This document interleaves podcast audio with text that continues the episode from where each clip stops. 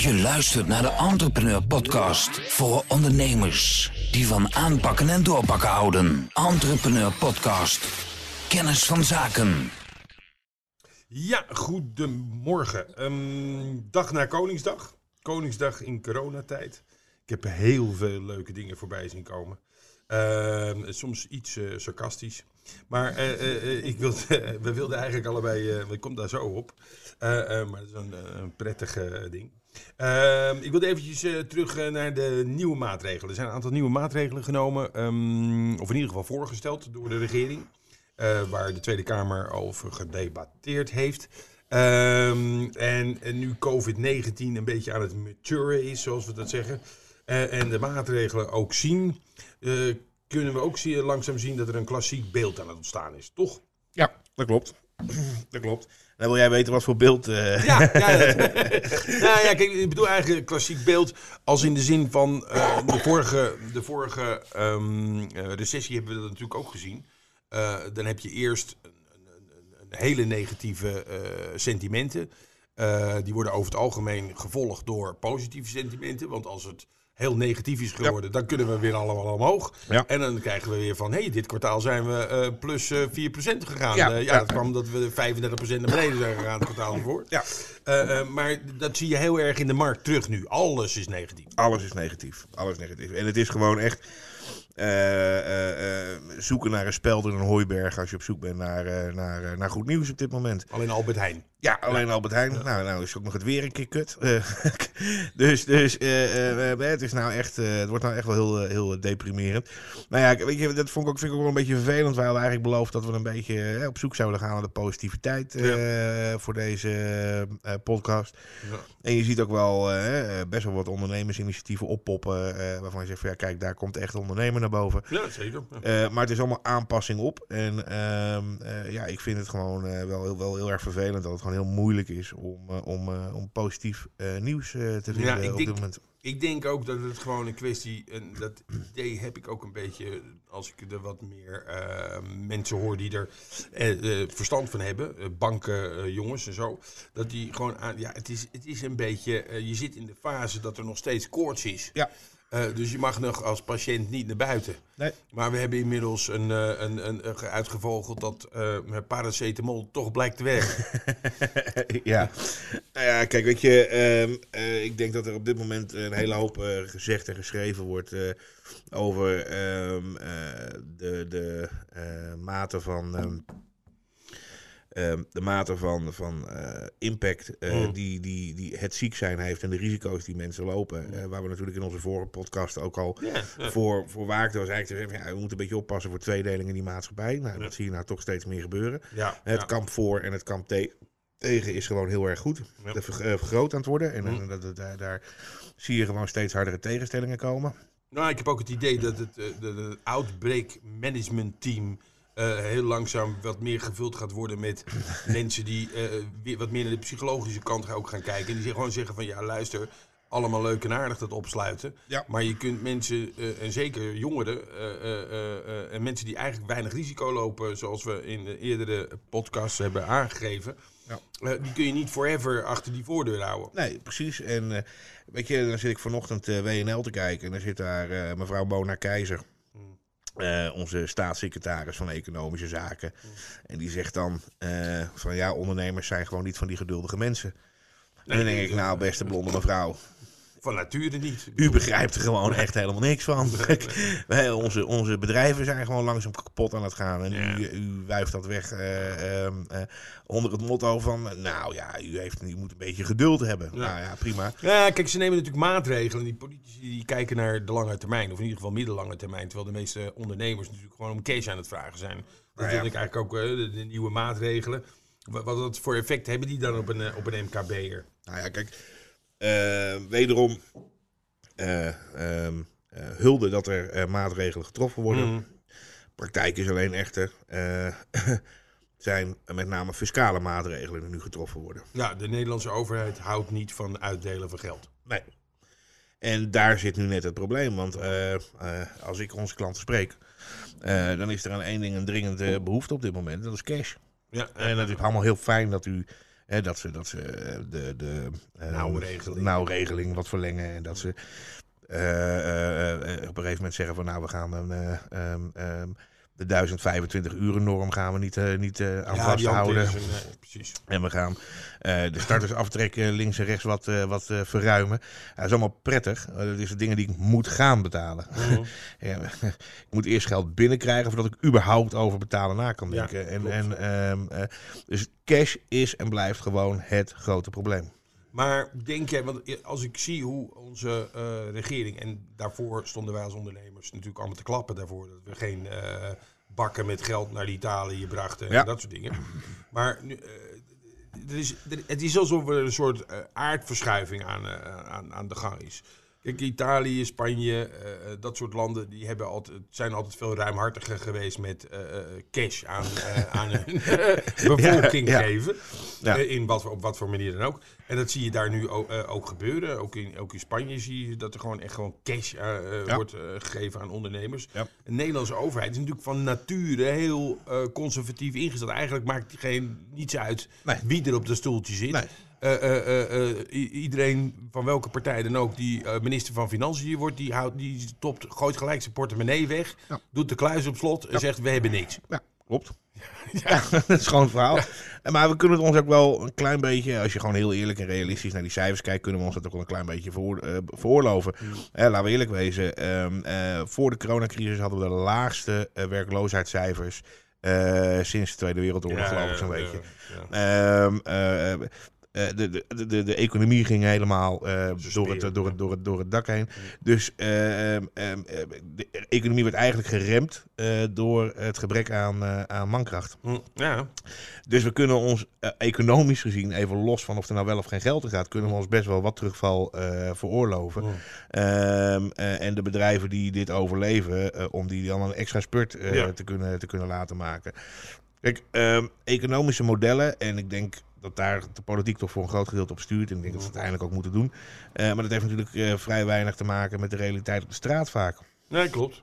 Eh, en als jij gewoon niet meer kan pinnen, je kan je mensen gewoon niet meer betalen. En ehm, je bedrijf ligt gewoon echt stil. Ja, en dan moeten we natuurlijk niet vergeten dat er je bedrijf ligt stil. Maar er zijn natuurlijk heel veel bedrijven die dan misschien niet voor 100% stil liggen.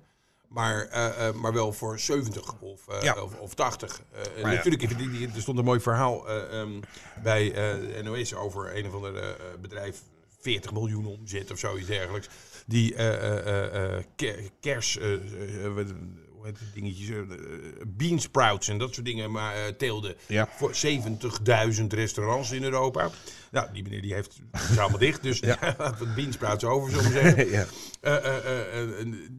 die kwam van ja, je moet me redden, je moet me eroverheen trekken. En, eh, maar die banken die zeggen ook van ja, leuk en aardig, maar dit, eh, die beansprouts gaat niet terug naar 70.000 Nee. eh, op 1 januari 2021. Dit gaat wel een langzamer verhaal worden. Dus ja, mensen moeten ook, dat begrijp ik dan wel van die mevrouw Keizer. Alleen de realiteit is dat zo'n ondernemer zegt van ja, maar luister, ik kan niet zes maanden wachten. Dat is dus het probleem. Ja. En eh, waar je, waar je eh, kijk, wat, wat, wat heel veel mensen zich niet realiseren is, kijk, laten we nou gewoon eens eerlijk zijn. Wat is nou, hè, als wij nu bijvoorbeeld naar onze eigen klanten kijken, dan zien we daar gemiddelde winstmarges hè, van eh, ja, tussen de 15 en de 25 procent op Ja. jaarbasis. Ja. Dat is je winst. Ja. Nou, dan heb je heel veel mensen die daar echt ook van moeten leven. Mhm. Nou ja, als je dan nu dus een teruggang hebt van 30, 40, 50 procent. ja, dan ben je diep in het vlees aan het je, hebt geen, je, hebt, je hebt geen of weinig buffers. Ja. Ja, eh, dan, dan heb je gewoon heel snel een serieus probleem. Ja. Ehm, en daar lopen nu gewoon heel veel, eh, heel veel mensen tegenaan. En wat je nu begint te merken ook, althans dat, dat zien wij in onze eigen portefeuilles. Hè. Wij.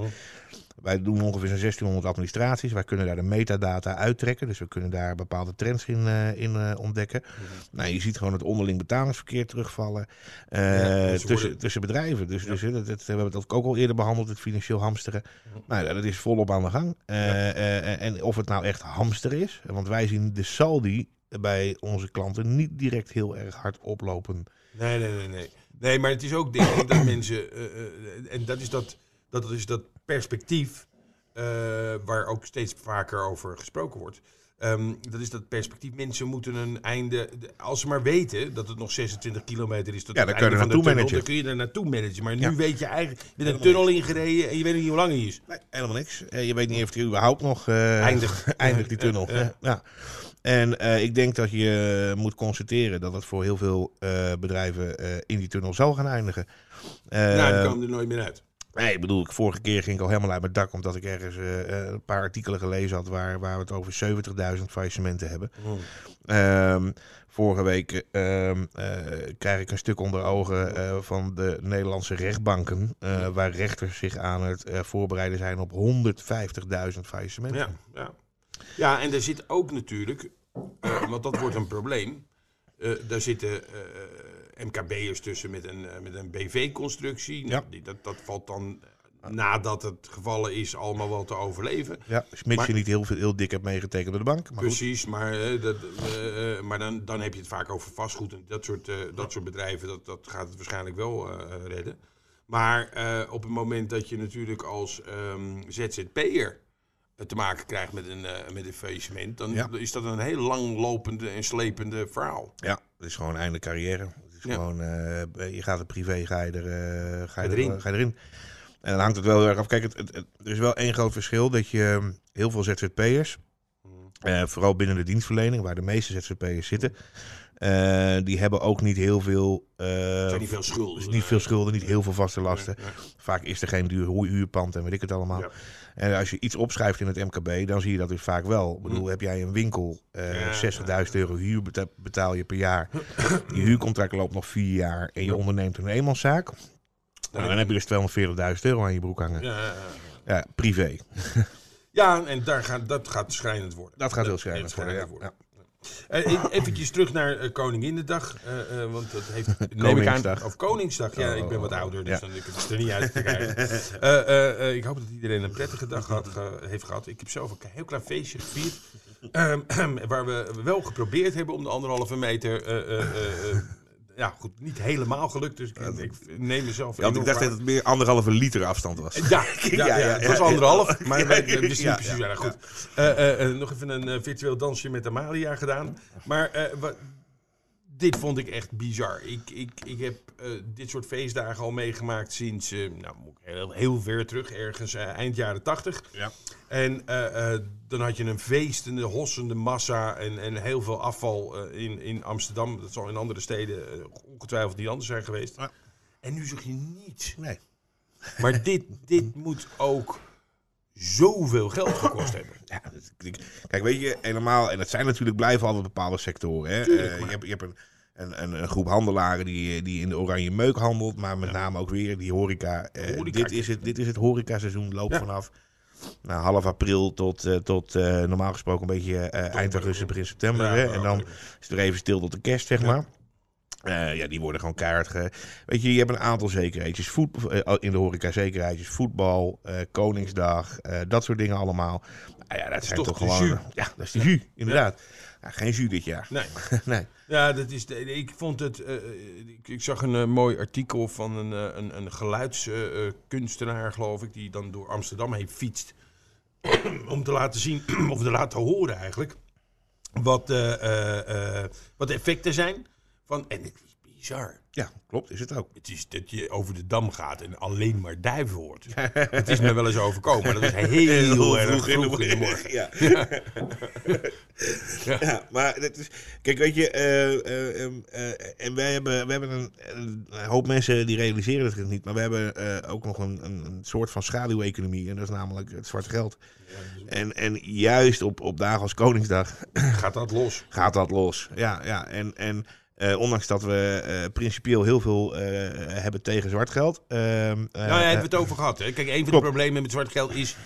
als je dan een keer een krediet moet hebben, dan heb je een probleem. Nou ja, kijk- je kan het niet aantonen. Laten we natuurlijk beginnen dat we in principe ervan uitgaan dat iedereen gelijk is. Dus Ja. in ieder geval gelijk behandeld worden. Dus als jij werkt of je verkoopt wat, betaal je belasting net als iedereen. Nou, er is een gedeelte van de, van de economie die doet dat niet. Prima. Dan kun je met z'n allen heel erg boos op worden en heel erg principieel tegen zijn. Dat zijn we ook. Maar iedere econoom die, je- die je hoort, eh, zie je toch altijd dat zwart geld op een of andere manier ook een beetje het specie tussen de bakstenen is. Ja, is een bepaald percentage. Wat is dat percentage ook alweer? Ja, het is ergens tussen de 10 en de 15 procent. Ja. In Nederland schijnt het veel Ja. lager te zijn, rond de Ja. 8. Desalniettemin eh, eh, zie je toch gewoon dat een, een behoorlijk gedeelte van de economie draait op dat zwarte geld. Het is net een beetje die jus die erover zit. Vaak worden er toch wat net even de wat, eh, wat lekkere dingetjes worden ervan gekocht. eh, binnen de retail, binnen de horeca. Ja. Ehm, nou ja, eh, dat missen we ook allemaal. Dat, dat, dat zien we nergens in de cijfers terugkomen. Maar wat zijn, want als ik er eventjes goed over nadenk, wat, wat, wat gebeurt er dan met dat zwarte geld? Nu, nu wordt het gewoon aangewend om Wordt boodschappen te doen. Opgegeten. Ja. Wordt opgegeten. Ja. Ik heb nog een keer zo'n hele heel verhaal gehad. eh dat kunnen een hoop mensen zich waarschijnlijk nog wel herinneren met het, eh, met het eh, omschakelen naar de euro Hm. destijds. Maar had je zwarte guldens en je moest van die zwarte guldens moest je zwarte euro's maken. Ja. Nou, wat, er toen, ja, nou, wat er toen gewoon gebeurde was dat er een aantal artikelen eh, ehm, eh, eh, zwart ingekocht werden van zwarte guldens om Ja. later weer voor zwarte euro's Ja. verkocht te worden. Nou ja, nu zit je in de situatie dat zwarte geld vooral heel veel opgegeten wordt. Ja. En het zwarte geld is zo meteen weg, althans voor een heel groot gedeelte. Ehm, en ik moet nog zien hoe dat, eh, eh, in welk, welk tempo dat weg weer terugkomt. terugvindt in de. In, de Dan zou je eigenlijk zeggen dat, dat, dat landen die daar meer van afhankelijk zijn, die willen ook een beetje naar de internationale ondernemerslandschap kijken. Ja. Maar landen die daar meer voor, van afhankelijk zijn, ik probeer even, maar Griekenland bijvoorbeeld, ja, ja. daar ken ik ook nog steeds. Ja. En trouwens, onze, onze, onze buren, België, eh, weet ik dat die eh, ook altijd nog wel eh, hier en Ja. daar wat verkopen Ja. zonder factuurtje, zullen we maar zeggen. Ja. Eh, ehm, eh, die moeten daar nog meer last van gaan Ja, krijgen. natuurlijk. Ja, dat is ook zo. Kijk, laten we even. Hè, jij- noemt Griekenland, dat is een, een logische keuze. Ik moet Hm. wel eerlijk zeggen, ik denk dat als je kijkt naar de cijfers, dat Griekenland echt de afgelopen jaren heel heel veel gedaan Ja. heeft. Ik geloof dat zelfs eh, op enig moment eh, eh, ehm, eh, Nederlandse belastingambtenaren naar Griekenland gegaan zijn om ze daar te helpen. Dus dat, Mhm. is, dat is echt wel.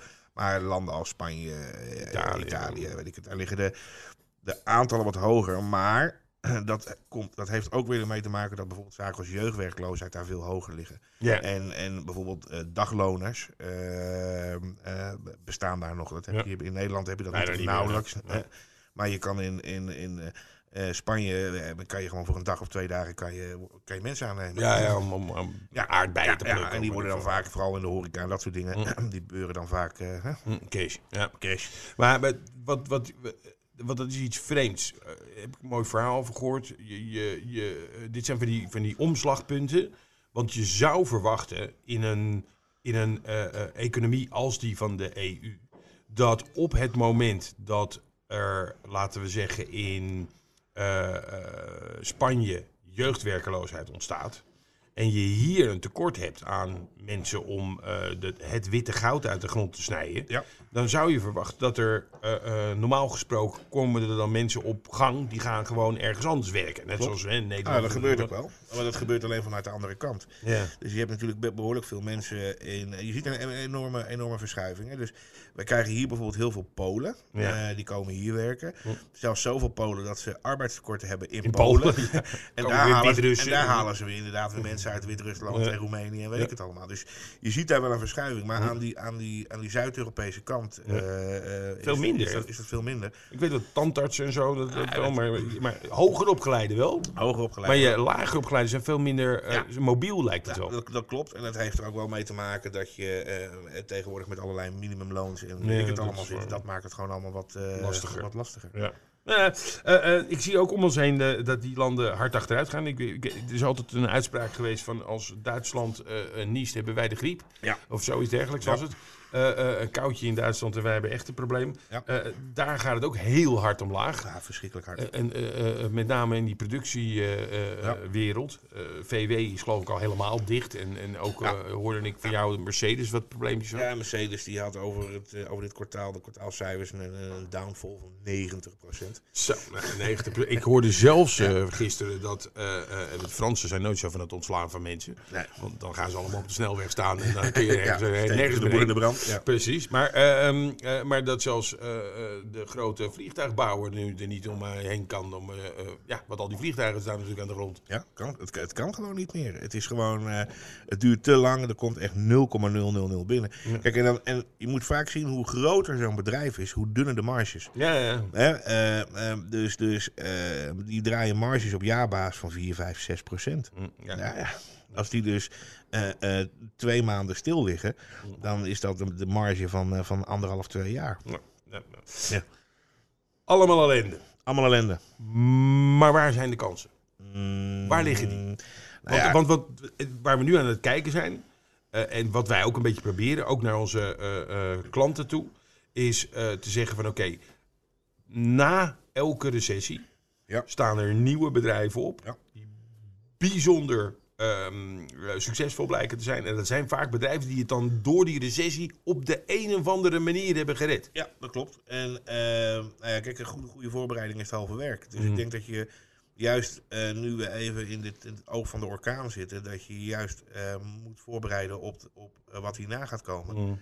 Ehm, en dat betekent in ieder geval dat je, even preken voor eigen parochie, Ja, dat je, je je cijfers voor eh, op orde moet hebben. Nou, waarom moet je dat hebben? Dat, eh, nu in de coronacrisis is het misschien nog wat lastig om financiering te krijgen, maar op het moment dat die coronacrisis voor elkaar en jij laat de eerste tekenen van herstel zien, ja, dan heb je best kans dat, dat, dat herstel voor banken in één keer wel eh, aanleiding is om, Dan om, kunnen we weer het verdienmodel zien. Ja. we kunnen het verdienmodel weer zien. Ehm, en je marketing moet je aan gaan pakken. Ja. Dus ja, dat wordt ook wel een eh, heel Ja, belangrijk. Natuurlijk, wordt, wordt, wordt dingen. Vindbaarheid eh, is, eh, is key op dit moment. Ja, ik kom nog steeds mensen tegen die mij een, een factuur sturen. het marietje underscore 1962 at hotmail.com. Ja. Het dat is niet helemaal wat we moeten hebben. Nee, kijk, weet je, ik denk dat eh, ehm, iedereen van jongs af aan al ehm, eh, weet van een eerste indruk is gewoon altijd belangrijk.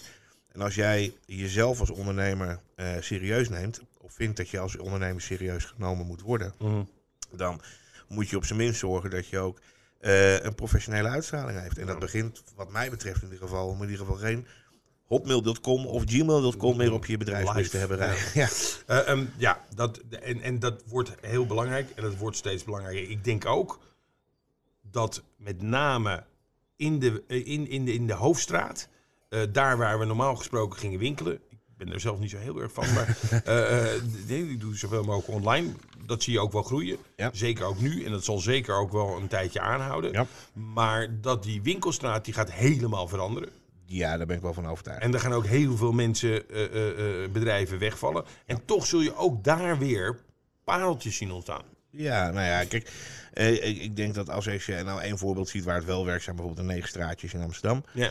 Dus ik denk dat je veel meer naar een boutique-economie eh, Ja, toe gaat. ja. Ehm, Wat retail betreft. Wat retail betreft, je, je hoort ook wel wat, wat, wat geluiden uit, uit vastgoedhoek. ehm, Van mensen die zeggen van ja, kijk, kijk het probleem is Ton, eh, we hebben dat vanochtend ook al even besproken. ehm, dat zit nu ook in die, in die noodmaatregelen heel erg verpakt.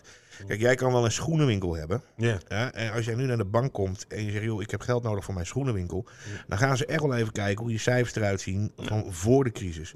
Ja. En als het voor de crisis niet veel was, dan gaan ze je ook niet door die crisis heen helpen. Nee, en het is natuurlijk eigenlijk ook terecht. Want anders dan stapelen ze allemaal problemen op iemands schouder. Ja. eh, die ze straks niet terug kunnen krijgen.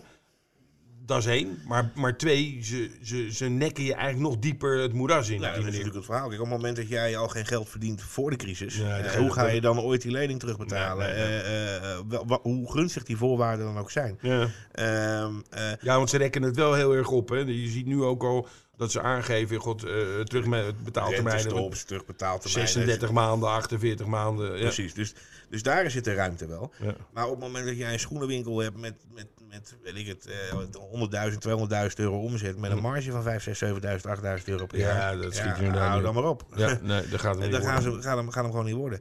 Nou ja, en daar zijn best wel een hoop ondernemers boos om. Maar daar zitten ook wel ondernemers bij waarvan ik zeg van ja, kijk ook wel een klein beetje naar jezelf.